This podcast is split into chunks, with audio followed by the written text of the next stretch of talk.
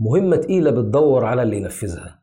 هم بيدور على اللي يشيله. بلد فيها احتلال فيها قهر.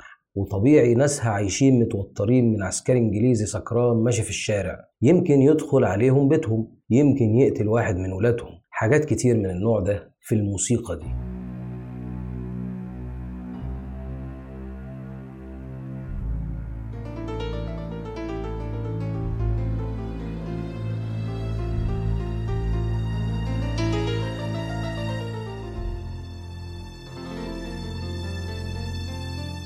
دي كانت بداية موسيقى فارس بلا جواد للمبدع الأستاذ ياسر عبد الرحمن واللي عملها كتتر للمسلسل اللي قام ببطولته الأستاذ محمد صبحي واللي بيحكي قصة شخص من عامة الشعب قرر يقاوم الاحتلال الإنجليزي لمصر بطرق مختلفة. التشلوهات بترسم لنا مكان ضلمة أجواءه باردة وبيدخل البيانو بعرب صغيرة يقول إن جوه الأجواء دي شخص حيران خايف التفكير هيقتله. فتدخل الكمانجات وراهم تعمق الإحساس ده وتاخد الهم ده لمراحل أبعد زي ما بنسمع كده. بيزيد التوتر لحد الشخص ده اللي هو رمز لجموع المصريين ينطلق بحثا عن حيلة تمكنه للخروج من اللي هو فيه. وهنا بنلاقي صوت مشية الحصان معمول بحرفنة ودقة على آلة التمباني مشية ما سمعتهاش شخصيا بالشكل ده في موسيقى تانية. ومع صوت أقدام الحصان بنسمع الفلوت بيصفر وبيقول جملة حزينة فيها ضعف وحيرة وفقدان للثقة بالنفس وده حال الناس المكسورة حال الشعب المصري المغلوب على أمره من الاحتلال زي ما إحنا سامعين كده.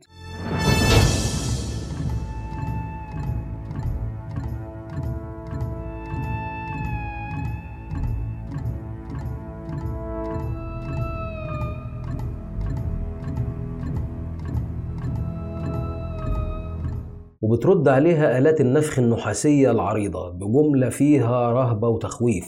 بنلاقي تارارارا إغالا في ترسيخ الشعور ده.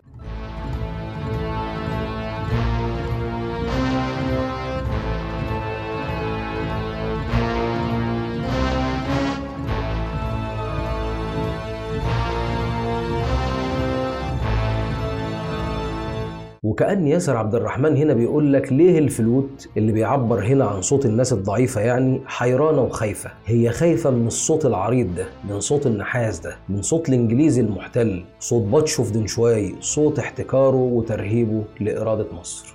في وسط ده بيطلع صوت الترومبت في جسارة لا تخلو من شياكة بيطلع البطل ويقول أنا جيت أنا لها.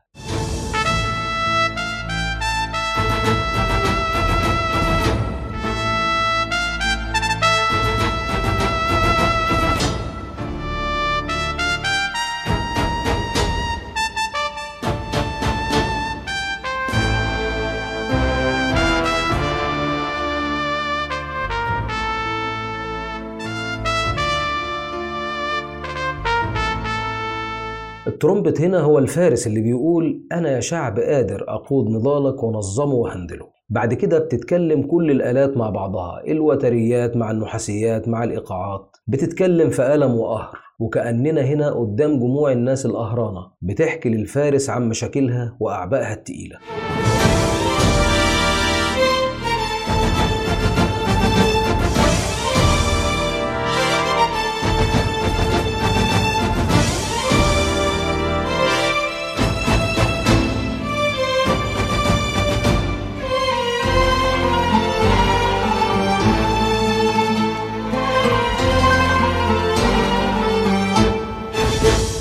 وبتكرر الفلوت نفس الجملة في حزن وانكسار أكبر. وكأنها الفارس بيقول لهم حاسس بيكوا لأن منكم وبعيش نفس الهم معاكم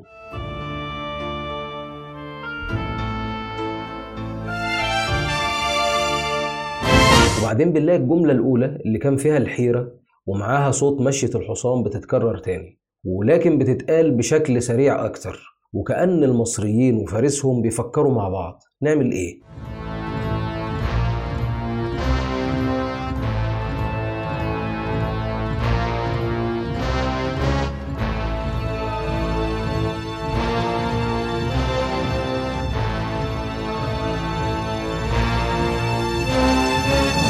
بتقطع التفكير ده واحدة ست وبتطلع تتكلم. هنلاقي كمانجة حزينة بتشتكي وتتألم حسرة وألم وخوف من كل حاجة. خوف الناس اتعودت عليه لحد ما أصبح ضمن العادات والتقاليد. خوف من حد هيغتصب هينهب يمكن يقتل حد هيغدر. إحنا هنا في زمن احتلال.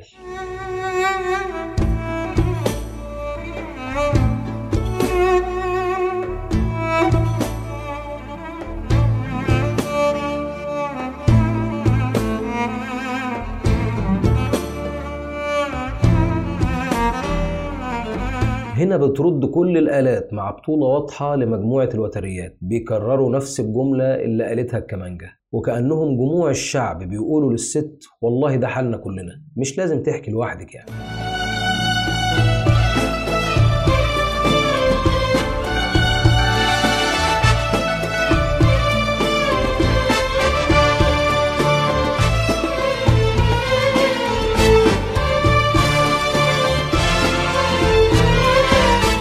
يجي القانون يرد عليها ويقول نفس الجملة وكأنه صوت الراجل جوز الست اللي كانت بتشكي بيقول أنا مش قادر أغير الوضع ده للأسف. أنا ما عنديش حل غير إني أقفل الباب على مراتي وأخبيها ولو طلعت لازم تطلع متغطية ووشها مستور. أخاف عليها الكلاب تنهشها وما عنديش قدرة أدافع عنها.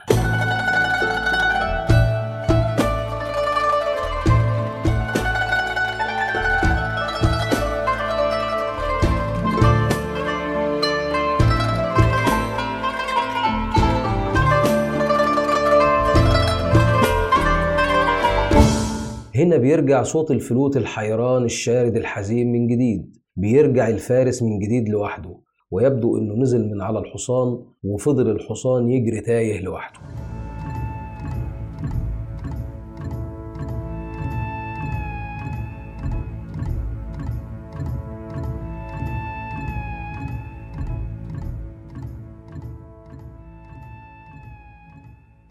يبدو إنه زهق من كتر شكواهم وقرر يشتغل لوحده لأنه مستحيل ناس ما عندهاش غير الشكوى هتقدر تقاوم. الشكوى مفهومة ومعروفة ومش محتاجة نكررها كتير لكن الأهم إزاي نغير الواقع الحزين لواقع مبهج؟ إزاي نحول ثقافة الهزيمة والمقاومة لثقافة الانتصار وفرض الوجود؟